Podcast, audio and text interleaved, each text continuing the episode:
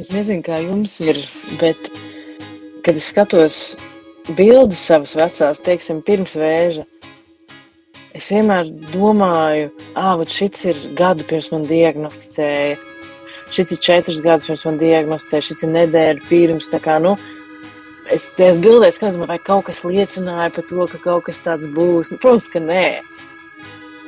Bet um, ir tā, ka tev tas kaut kā tavā dzīves gaitā iegriež tādu pirms un pēc, tā kā Anno Domini, tikai Anno kanceri vai kaut kas tam līdzīgs. Es nezinu, vai jums ir tāpatās vai nē.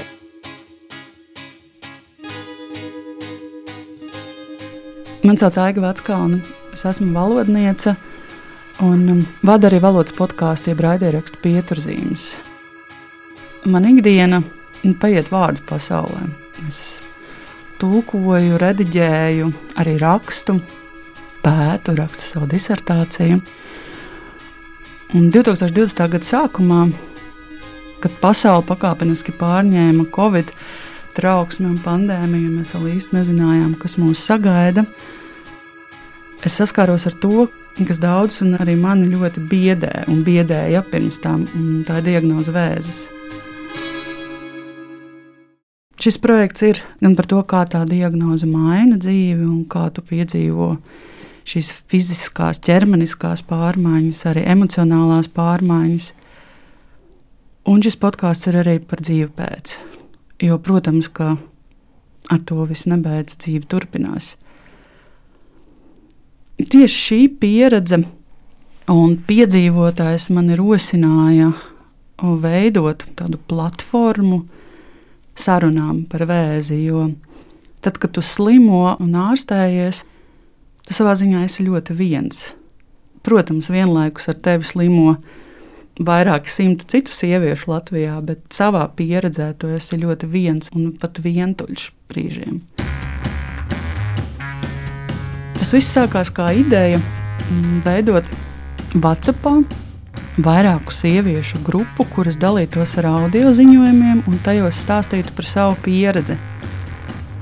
Četras dāmas, Aija, Irēna, Jāna un arī es savu veidu dienas grāmatā mēs dalījāmies atmiņās, pārdomās. Kādreiz varbūt norazinēja kaut kas, ko citas teica, ko pārējās teica. Mēs arī to pakomentējām. Un šie stāsti lika arī man izvērtēt savu pieredzi un arī paraudzīties, kā ir būt pēc. Šis ir dokumentāls stāsts par krūtsvēža pieredzi. Tā nosaukums ir dzīve pēc. Šo stāstu es veidoju kopā ar Dārzu Kreju, ar Latvijas radio podkāstam Dokumentārijas. Vispirms es uzrunāju Aivu, piedalīties šajā projektā.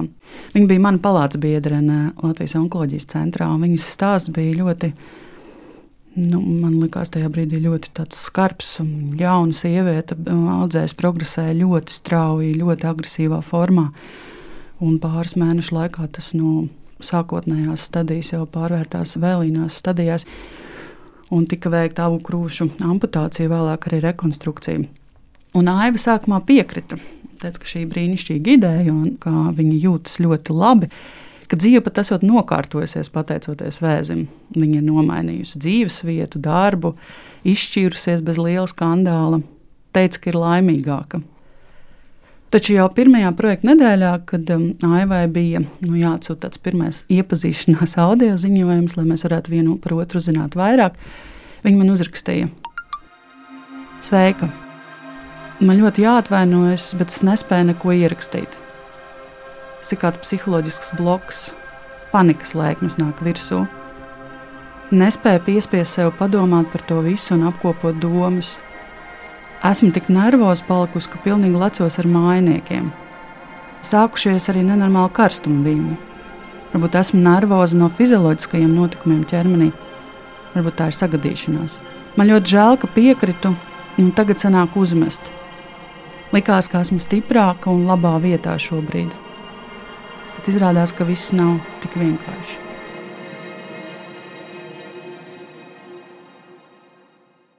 Un es neslēpšu, ka arī man pirmais audio ziņojums nenāca viegli.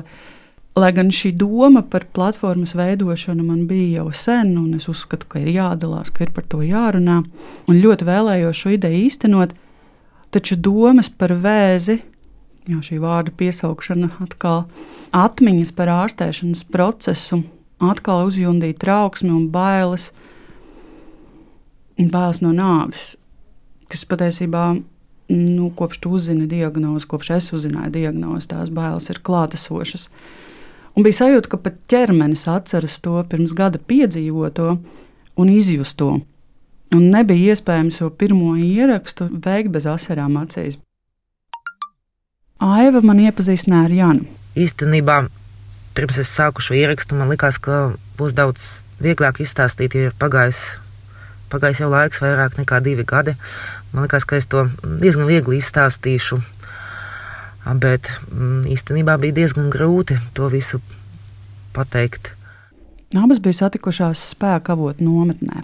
Tā ir onkoloģisko pacientu psihosociālās rehabilitācijas programma. Aiva teica, ka Jānis ir ļoti forša. Viņa ar viņu parunāšot, vai drīkst dot kontaktus, un, un Jānis esot teikusi, ka drīkst. Mani sauc Jāna, darbojos es tirzniecībā. Esmu pozitīvs, aktīvs cilvēks, dzīves priecīgs. Man vienmēr patika baudīt dzīvi, braukt pie dabas, atpūsties un mēģināt no dzīves saņemt tikai to labāko, pozitīvos momentus. Arī joprojām es esmu tāda pati, tikai, protams, ka iekšēji arī esmu mainījusies. Mainījusies ir manas domas un manā attieksme pret ļoti, ļoti daudzām lietām un arī cilvēkiem. Lai gan ar Jānu pat mēs neesam tikušās, tikai sazinājāmies ar īsiņām, taču tagad man ir sajūta, ka esam labi pazīstami. Jāna šajos audio ziņojumos stāstīja par sevi tādā ļoti koncentrētā, struktūrētā veidā, un analizējot pati sevi, vērtējot savu rīcību, pirms pēc meklējot cēloņu sakarības. Bet vienlaikus arī ar tādu pozitīvismu, ka nebeidz vien apbrīnot viņu. Jā, tā no es izgāju visas, neteiksim, mocības, bet, nu, jā, godīgi sakot, pat tagad ļoti grūti atrast pareizos vārdus, kā to visu nosaukt. Jānis audzēja ārstēšana sākās pirms diviem ar pus gadiem, un tagad viņa tāpat kā mēs, visas četras, ir regulārā ārstu uzraudzībā. Pieci gadi pēc krūtsvēža operācijas ir vistrauksmainākie jo tad pēc ārsta domām ir vislielākais audzēja atgriešanās risks. Un iznāk, ka šie pieci gadi ir tāda ļoti, ļoti spilgta dzīve pēc.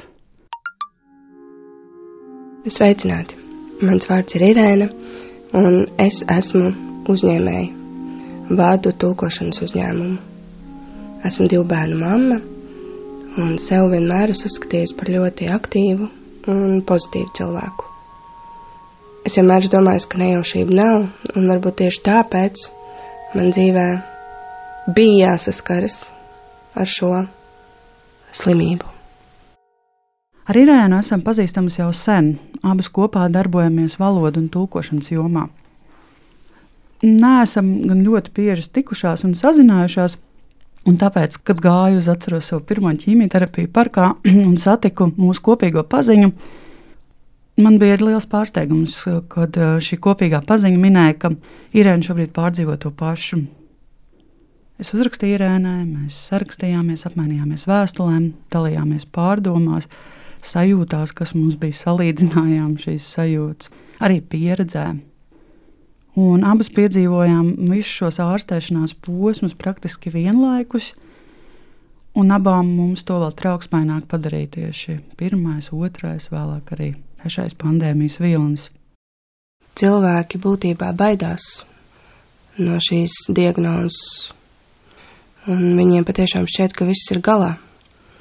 Un tad nu, es centos pārliecināt, ka nu nē, izoperēs, veiks visu nepieciešamo ārstēšanu, un ka viss būs kārtībā. Bet uh, viņu bailes man nācās tā kā atspēkot un tas bija gana izaicinoši. Klausījos Irēnas stāstu. Mani nebeidz pārsteigt viņas spēks un apņemšanās. Arī tad, kad sekoja viņai sociālajos tīklos līdzi ārstēšanās laikā, ja es, piemēram, nebūtu zinājis, ka viņa vienlaikus kopā ar mani iet šo ārstēšanās procesu, es nekad pēc viņas aktivitātēm, fotografijām, viņas biežās klātbūtnes, enerģiskās klātbūtnes sociālajos tīklos nekad nebūtu pateikusi, ka viņa arī pārdzīvo šobrīd ļaunprātīgu audzēju ārstēšanu. Uzreiz zināju un sapratu, ka es nevarēšu turpināt strādāt.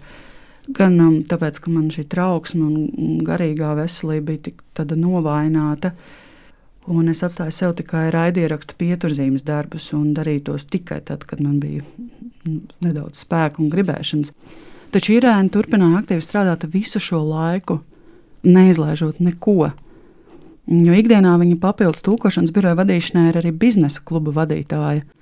Un šis darbs prasa ļoti daudz laika un enerģijas, jo tikšanās notiek katru nedēļu. Savukārt Aiju es iepazinu Instagram. Kad 2020. gada sākumā vispār ļoti aktīvi meklēju visu iespējamo informāciju par vēzi. Un, arī citu pacientu stāstus un pieredzi. Un tad arī Instagramā es ievadīju tēmu, tur krūts vēzis, breast cancer, arī citus, un es atradu AIS kontu. Sveiki, mani sauc Aija, un man arī bija, kā jums visām pārējām meitenēm, krūts vēzis. Es dzīvoju Parīzē, es jau desmit gadus neesmu Latvijā, īstenībā man liekas ilgāk, bet nu, dzīvoju Francijā. Es esmu advokāte, Man iedvesmoja pilnīgi viss. Viņas fotografijas ar Parīzes skatiem, viņas brīvība, ar kādu viņa runāja par vēzi, viņas skaistie mati, kas bija atauguši pēc ķīmijterapijas. Nu, tas viss mani tiešām ļoti sajūsmināja, iedvesmoja. Deva savā ziņā arī tādu, nu, tādu cerības staru, ka tas ir, ir pārējošs posms, un ka pēc tam var būt arī šādi jo Aija mm, pieredzēja vēža ārstēšanu pirms nedaudz vairāk kā diviem gadiem. Tātad pirms manis. Es uzrakstīju Aijai, un vēlāk regulāri sarakstījāmies. Un es atceros, viņa arī mierināja mani, kas kropstas, par kurām es savulaik satraucos visvairāk, kur man pietrūka visvairāk, ka tās jau attaugs griezdamies tāpat kā vispārējais. Es jau pirms mastektomijas uztaisīju fotozēs, un tas beigās katru gadu uztaisīju. Es arī skatījos, ko citas sievietes taisa, un tur ir nezinu, bildes ar rozā boksa cimdiem. Un tas viss tāds, nu, tāds daudz tās pēc masektomija, tās fotosesijas ir tādas, ne, un es vēl joprojām esmu seksīga. Un tā vietā, lai sievietes, kas tam gājuši cauri, pasniegtu, tā kā, nu, tiešām kā Amazonas, nu, liek bērēs tas viss tiek kaut kā tā infantilizēts, ka neuztraucies, tu vēl joprojām esi sievišķīga un tu vēl joprojām esi sieviete. Man tas vispār nav jautājums. Nu, Tur varētu man nogriezt eh, vēl daudz citas lietas, jo joprojām būtu sieviete. Tas neko nemaina. Un, kad klausījos aizstāstām, nepārtraukti pieķēru sev pie domas, ka es māju ar galvu, ka es visu laiku atpazīstu sevi tajos viņas stāstos, kā viņa par to runā. Arī Aija pirms vēža diagnosticēšanas izjuta milzu nogurumu. Viņa daudz strādāja, un citu simptomu nebija. Un man bija līdzīgi. Nogurums bija tiešām milzīgs, un tas bija vienīgais, par ko es tajā laikā sūdzējos. Vai nav fantastiski, kā mēs visi atceramies pa datumiem, kas notika? Es atceros par savu dzimšanas dienu, vecāku dzimšanas dienas, un tas ir apmēram viss, bet es savējo vēzi Atceros 19. Eh, februāris, 18. gads, 23. februārī sāk ķīmiju. 17. maijā nākamajā gadā es paveicu herceptīnu, mastektomija bija 5. septembrī, 18. gadā. Visiem cilvēkiem, kam bijis vēzis, tu atceries pa datumiem, bezmazliet pa laikiem. Man cim liekas fantastiski.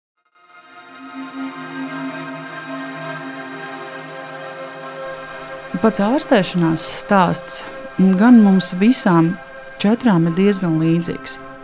Tas ir tāds protokols, ko ievēro krūtsvēža ārstēšanā, un uh, varbūt mums atšķiras tikai šī secība, kurā brīdī ir ķīmijterapija, pirms operācijas vai pēc. Tad manā gadījumā man vispirms bija operācija, tad man bija astoņas ķīmijterapijas, vienreiz trijās nedēļās, un vēlāk 25 staru terapijas reizes.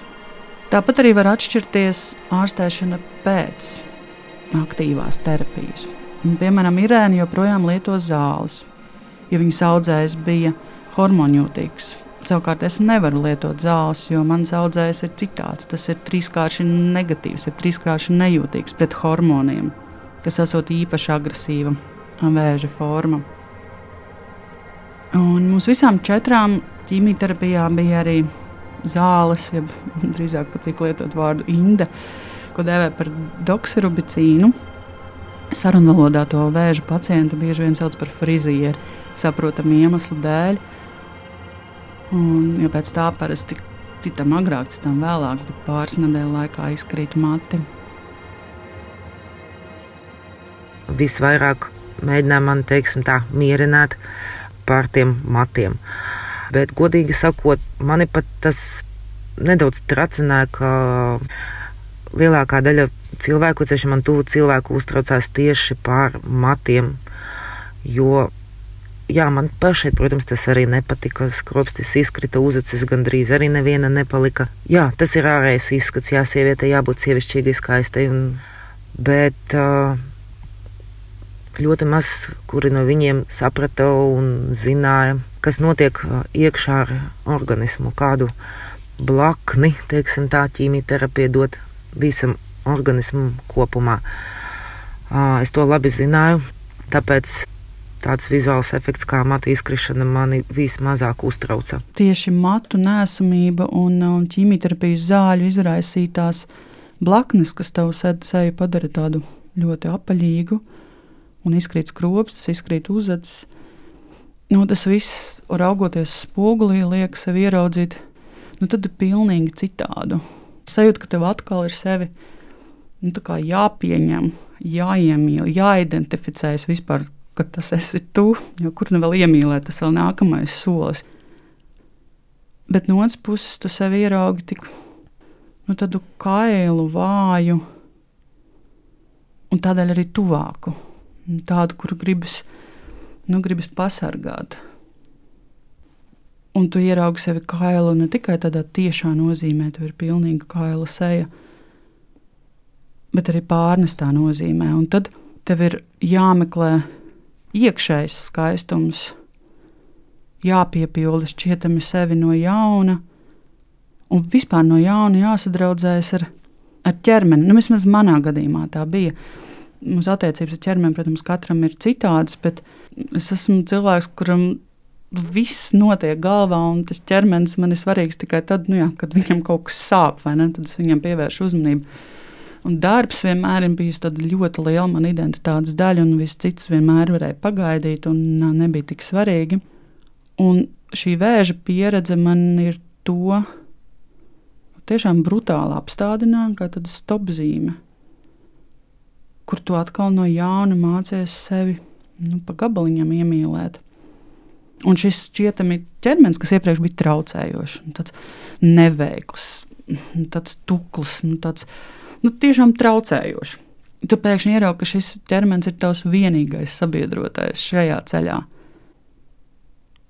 Un tas man ļāva sev ieraudzīt citādi. Es atceros, ka es sāku fotografēties, lai gan pirms tam man ļoti nepatika to darīt es sāku arī rakstīt. Kādreiz man liekas, ka viss, ko es rakstu, nav pietiekami labs, ka tas um, nevienu neinteresē, ka cilvēki mani noteikti kritizēs. Kaut kādā veidā atkāpjas tādas paralizējošas bailes no kritikas tajā brīdī. Kad tu saproti, ka viss cits ir tik niecīgs salīdzinājumā ar to diagnozi un tās izraisītajām nu, nāves bailēm. Es arī izlēmu vienu lietu, ka es atstāšu sev to par piemiņu. Man bija jāmaina ID karte tieši tajā laikā. Un es domāju, nu, ID kartē taču jāfotografējas ar parūku. Es domāju, nē, es fotografēšos bez, un tas būs mans atgādinājums. Katru reizi, kad es uz to paskatīšos, es atcerēšos par savu spēcīgo ķermeni un par šo piedzīvoto pieredzi. Un tā arī ir. Tagad tā ID bieži jārāda. Ir. Un tad šī ideja karte man par to bieži atgādina. Man un arī Janai tika veikta krūtis audzējoša operācija. To dara, ja audzēja izmērs pret krūts izmēru ir relatīvi neliels. Irēnas un Ājas pieredze ir atšķirīga, un tajā ieklausījos ar īpašu interesi. Man nekad neviens nav pamanījis, ka man ir tikai viena krūts. Nekad. Es pēc tam, kad izšķīros ar draugu, man pat Tinderī bija bildes, kur bija nu, sporta tērpā kārtīgi pieguļošām. Man bija kaut kāda džekas, man sūtīja ziņas no visos, tev baigi lielās krūtis. Viņa gribēja pateikt, čal, man tikai viena tajā bildē, bet nu labi. Un, um, Un, jā, un es nekad viņu nenāsāju, bet es arī man daudz, un arī doktori saka, ir teikuši, ah, kāpēc tu nenāsā, tev tur labāk mugurai vai kam. Un es esmu meklējusi pētījumus zinātniskos par to, vai tiešām tas mugurai ir labāk. Un nekā nav, tas nav pētīts. Liekas, tas vienkārši ir, lai liktu sabiedrībai justies labāk, jo tad ir kaut kas uztiķēts virsū tai problēmai. Man liekas, tas ļoti daudz saistīts arī ar patriarchātu un ar to, ka sabiedrība, teiksim, vēl lielā mērā uzskata sievietes par kaut kādiem dekoratīviem objektiem. Teiksim, es nezinu, tu sasit porcelāna krūzīti, tev viņai jāslīmē kaut kas atpakaļ, lai izskatītos pēc tam normāli. Es pat man vēl tādu rekonstrukciju neuztaisītu, bet es viņu uztaisīšu, bet tas nav tik daudz. Nu, vizuāli, protams, nu, es, es gribētu to grūti atpakaļ, bet nu, problēma tā, ka es gribētu atpakaļ to, ko man atņēma dzīve. Protams, to es nekad nedabūšu. Man liekas, ka psiholoģiski, tā, ka es dabūšu to mākslīgo krūti, ka man uztaisīs, um, man būs kaut kāds tāds iekšējs sajūta, ka viss ir beidzies. Tas būs full cycle, ka viss būs pāri apgājis un viss būs vairāk vai mazāk restaurēts tādā stāvoklī, kādā tas bija pirms tam. Un cik interesanti, man nav Aijas un Irēnas pieredzes ar krūts amputāciju, bet man ir pieredze sadzīvot ar krūti, kas ir kā nepārtraukts atgādinājums, kas ir nu, sliktā krūts, ja, kuras dēļ tu to visu esi piedzīvojis. Un dažkārt arī man ir sajūta, ka man ka vajadzēja to amputēt. Tad man nebūtu jācieš tās diskomforts un sāpes tagad. Tad varbūt es sev būtu profilaktiski pasargājis no, no vēža atgriešanās nākotnē. Un es reiz izlasīju par tādu japāņu mākslas tehniku, kintsugi, kur sadauzītus traukus salīmē tādu zelta, sudraba platīna laku. Un salīmē nevis tā, ka tu nevari redzēt, ka ir salīmēts, bet tieši līmē un iekrāso tās vietas tā, ka to var redzēt. Tā teikt, cīņpilni pieņemot to sadauzīšanas procesu un dodot tam jaunu dzīvi. Un man dažkārt ir līdzīga sajūta, ka tās rētas, nesadzījušās vietas, nesadzījušie posmi ir kā tāda kinsugi tehnika, kuras atkal esmu to krūti pielīmējusi sev klāt? Man kādreiz nepatika iet pie ārstiem, un es negāju un nemeklēju sev slimības. Nebija īsti vajadzības, vienmēr jutos labi. Tagad uh, piespiedu kārtā katru ceturksni ir jāiet, un jā, ir savā ziņā tādas bailes, bet pēc tam, tad, kad viņi pasaka, ka viss ir kārtībā, ir pilnīgs atvieglojums arī nesen, kad gāju pie ārsta uz vēdra ultrasonogrāfiju, tad um, viņa teica, viss ir kārtībā. Es teicu, tieši tā kā tam ir jābūt, un priecīgi devos ārā. Līdz ar to ārsti patiešām ir kļuvuši par tādiem labiem draugiem, sarunbiedriem, un tad, kad ziņas ir labas, ka viss ir kārtībā, kā tam arī jābūt, ir, es tiešām esmu pacelāta un varu dzīvot nostu. Es dažkārt arī smējos, ka būšana par hipohondriķi, jeb tādu cilvēku, kurš vienmēr gāja pie ārsta ar katru mazāko simptomu, ka tas man izglāba savā laikā. Jo es tiešām gāju uz visām iespējamajām profilaktiskajām pārbaudēm, un vēl vairāk. Un, ja tā nebūtu noticis, droši vien tik agrīnā stadijā, kā man šo audzēju, visticamāk, neatklātu. Bet tagad es jūtu, ka kaut kas ir mainījies šajā attieksmē par iešanu pie ārstiem. Zinu, ka ir jāiet, ir noteikti ārsti, kas ir jāapmeklē, jāveic noteikti izmeklējumi, taču bieži vien es vilcinos, atlieku, man negribas, man tā kā bail, ko es tur atkal varētu uzzināt. Es, protams, beigās izdaru, es aizēju, piezvanu, izdaru, bet es iztērēju tam ļoti daudz enerģijas. Bet arī pasaulē par to runā. Vēža pacienti to bieži atzīst. Angļu valodā tam ir vārds anxiety, ja bailes no trauksme, no izmeklējumiem, ja, no skanēšanas, no izmeklējumiem. Un tā patiesībā sanāk, ka tu visu laiku esi kā savā veidā uz tādas pulvermucas. Es esmu ļoti nosvērts cilvēks lielākoties, bet tagad man liekas, man ārstiem tiešām, nu, es gribu viņiem teikt, ka es neesmu ārprātīgi, es vienkārši esmu traumēta. Jo man ir tā, ka nu, pirms katra vai pēc katra skana es redzu to ārstu, un tā, ka es varētu aptvemties, aiziet pie sava onkologa ar rezultātiem, un es zinu, ka visam būtu jābūt ok. Bet man ir tā pieredze, man bija diagnoze, man bija 31 gads, nekāda ģimenes vēsture, nekas tam līdzīgs. Man arī vajadzēja visam būt ok, tam vajadzēja būt nekām kaut kādai stulbai infekcijai. Bet gala rezultātā tas bija nu, viens no sliktākajiem, agresīvākajiem krūts vēžiem, kāds vispār ir. Un man ir tā pieredze, man pat trakāk paliek, ja man kāds pasaka, ka tam vajadzētu visam būt nekam. Es vienkārši atceros, ka cilvēki man to teica. Es nezinu, vai no tās traumas var jebkad atgūties.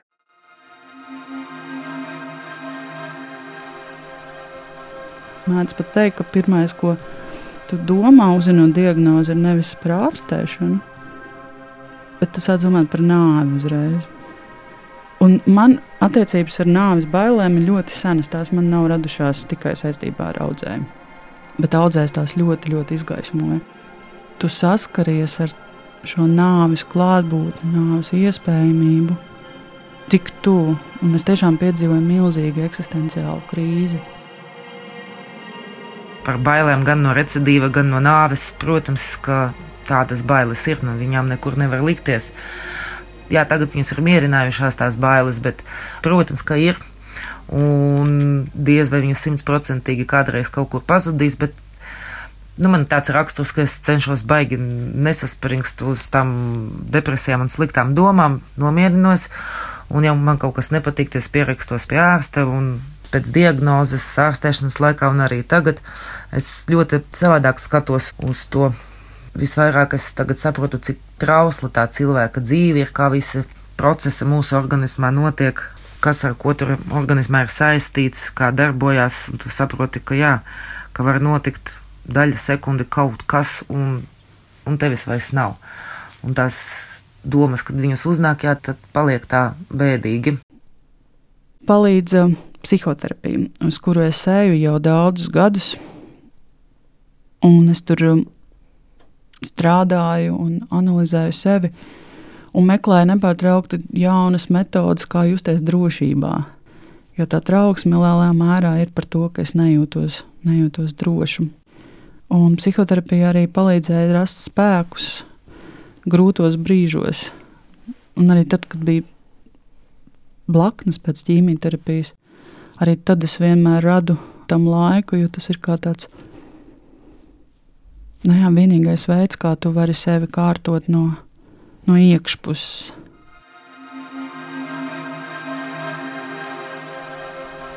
Bija interesanti, ka es um,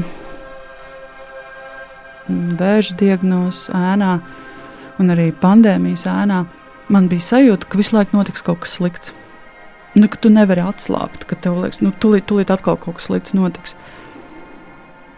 Un tad, kad es nedaudz atguvos no tā, Mm, jau 21. gada martā, es jau tā kā nu, jūtu, ka es varu tā ielpot, nu, tā elpot brīvāk. Nomira mana mamma. Man liekas, es tikko esmu tikusi ārā no kaut kā, es tikko bišķiņā esmu, un, un tu atkal vienkārši nonāci sērās. Nu, tad divi sēru gadi sanāk. Vismaz tu sēro par savu zaudējumu, un tad tu paliec par bāreni. Jo mans tēvs ir miris jau sen. Un tagad aizgāja arī manā māte, un tu paliec tāds ļoti konfrontējies ar, ar nāvi.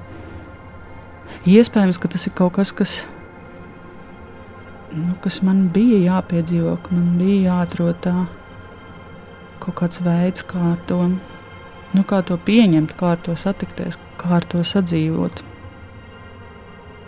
Bet, um, nu, tas nav patīkams veids katrā ziņā.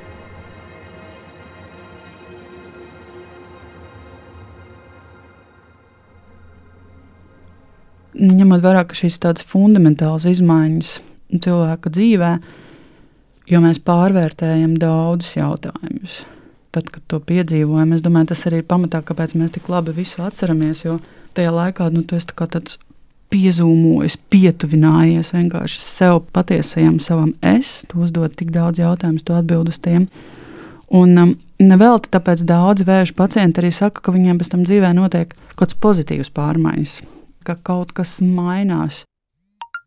Manā pasaulē darbs vairs nav svarīgākā sastāvdaļa.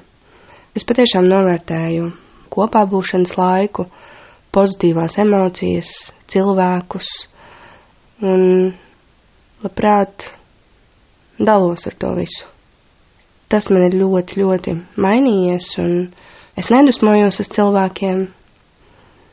Es spēju piedot un pateikt viņiem acīs, kas man ir paticis vai savukārt nav paticis, un nevis ar kaut kādu aizvainojumu, bet vienkārši tāpēc, ka mēs nezinām, kas notiks rīt man savā ziņā ir līdzīgi. Es domāju, ja nebūtu, ja nebūtu vēža, es vēl ilgi baidītos aiziet no algota darba un strādāt pie sava projekta, pie valodas projekta pieturzīmes, kurš tagad jau ir kļuvis par uzņēmumu. Un arī tas, ka man bija šis slimības pabalsts gada garumā, tas arī deva savā ziņā tādu atspērienu un nebaidīšanos izmēģināt, jo nu, sliktāk gadījumā nu, atkal iestrādāt algotu darbu. Un es sapratu, ka brīvdienas tas ir labi. Un arī, ka darbus, ja dzīve ir tik īsa, darīt tikai tos, kas patīk, kas sagādā gandarījumu sev. Interesanti, ka neviena no mums arī neslēpa savu diagnozi, un brīvi par to runājām ar kolēģiem, draugiem, arī publiski. Un tad nu, bija mana liktenīgā diena, kad uh, es visiem šiem uzņēmējiem pateicu par savu diagnozi. Lai viņi zina, lai nav šušināšanās, čukstēšanas, nērtas situācijas, lai viņi neprasa citiem, kā es jūtos, kas var dramatizēt vai savukārt atkal teikt, ka viss ir kārtībā un nav kārtībā. Līdz ar to es gribēju, lai viņi nāk pie manis un prasa man patiešām, kā es jūtos. Un tāpēc arī es atklājos diezgan ātri.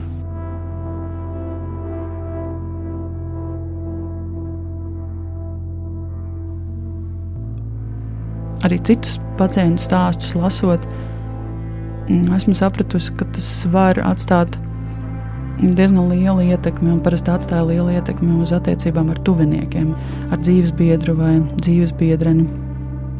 Un uh, mēdz teikt, ka vai nu tas uzlabo attiecības, vai nu tas pasliktina attiecības. Lai nu kā arī nebūtu, es pieļauju, ka ir vēl kaut kas pa vidu šiem diviem, bet tas ir liels pārbaudījums.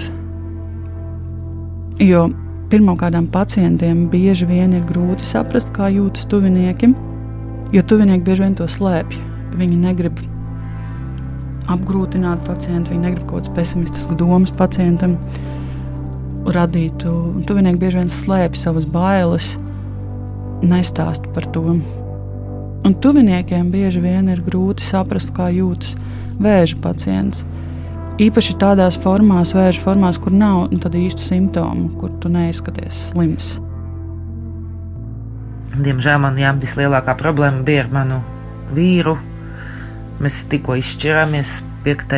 novembrī oficiāli, tā kā esmu atkal brīva sieviete. no sākuma bija kā jau daudziem reakcija, protams, ka viņš bija sašutis, mēģināja mierināt, bet nu jā, tās mūsu attiecības aizgāja ar vien sliktāk un sliktāk. Mēs principā jā, sākam pamazām viens no otra attālināties un parādījās daudz skandālu. Šovasar mums ar vīru galīgi kaut kā negāja, un, un, un, un ar 1. septembri mēs izdomājām padzīvot atsevišķi. Es izīrēju mājiņu, aizbraucu kopā ar saviem diviem suņiem. Nu, jā, un tad es pēc trim nedēļām, kad dzīvoju atsevišķi, uzzināju, ka viņam jau divi mēneši ir cita ar kuru viņš izklaidēs, jā, tas bija, tas bija ļoti sāpinoši.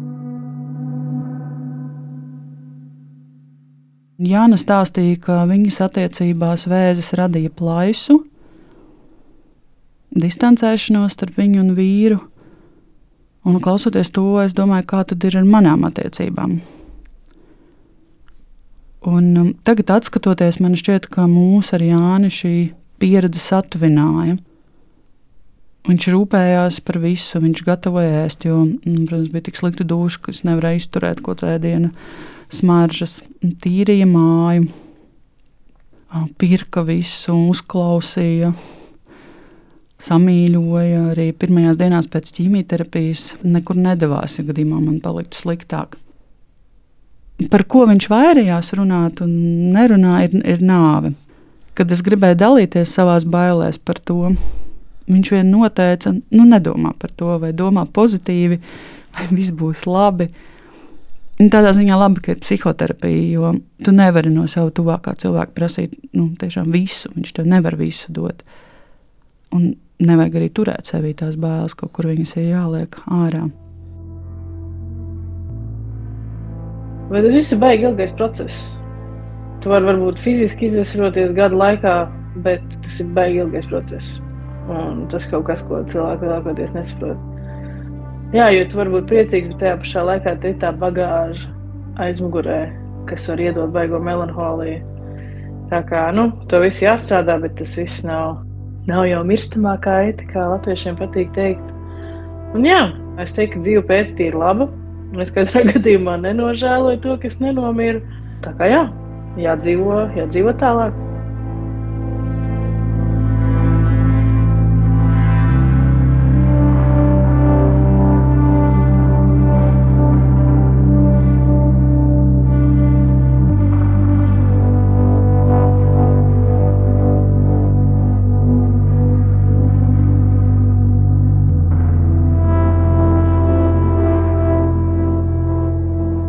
Man ļoti palīdzēja atziņa, ko es arī izlasīju kādā no Instagram pacientu stāstiem, ir, ka viņu stāsts nav tavs stāsts. Katram ir ļoti individuāla pieredze, un tev jāpiedzīvo pašam sava.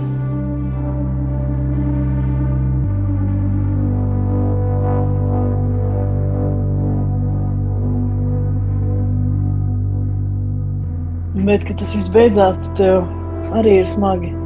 Un pat cik tu izsies jau normāls un vesels. Un cilvēkiem grūtāk to saprast, bet man liekas, pēc tam ir morāli trakāk nekā kamēr tas viss notiek.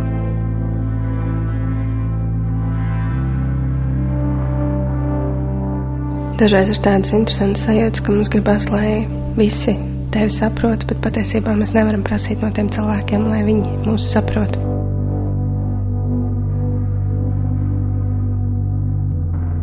Jā, dzīve man ir iedavusi tādu, nezinu pat kā pareizi pateikt, pārbaudījumu, ka es sapratu, kas šī dzīvē ir svarīgs un kas nav tik svarīgs. Tas likās tā ļoti jocīgi, ka cilvēks tik ļoti pārdzīvo un raud par tik, kā man liekas, nenozīmīgām lietām, kā sporta zāle ir cieta.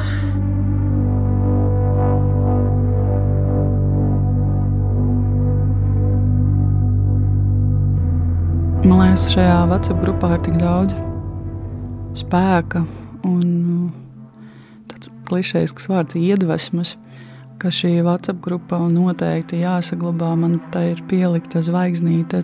Tā ir WhatsApp grupa, kurā ieskatīties, kurā varbūt pat dalīties, kad atkal gribas kaut ko pateikt, kurā pajautāt, kā tev bija, ka šis ir kas vairāk par, nu, par projekta grupu.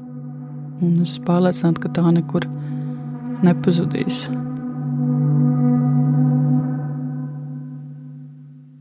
Šo stāstu veidoja Aija, Jana, Irēna, arī es, Aiga Veckalne un redaktore Dārsa Krējera. Montēja Nora Mitspapa. Vairāk par stāstu varonēm varat atrast sabiedrisko mēdīju portālā lsm.lv un klausieties arī citus stāstus podkāstā dokumentārijas. Šis projekts ir beidzies, bet dzīve pēc turpinās. Es kā gāju ķīmijā, man bija Es dažreiz filmēju, nu, ne jau drausmīgi ilgi, bet, teiksim, minūti, divas, kā tā mašīnīte dūca, ka viņam ir tas čuču, čuču, čuču.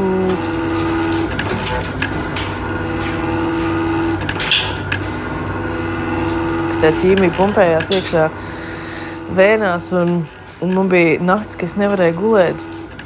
Un es klausījos tajā video, un man tas tā nomierināja. Jo es atceros, ka es tur aizgāju, es zināju, ko man darīs. Es zināju, cik ilgi tas būs. Es zināju, ka es aizmigšu.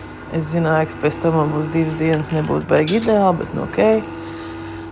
Un man tas sagādāja kaut kādu mieru, un pat tagad es skatos nevis nostalģiju, tā kā tajā visā procesā bija arī kaut kas tāds ļoti stabils, kaut kas rituālisks. man, man kauns to atzīt, jo nu, kurš, kurš nomierinās klausoties to, kā tevī pumpē ķīmija, bet uh, jā, es vairākas reizes viņu skatījusies, un man ir tāds kaut kāds tāds sajūta. Um, nu, tā.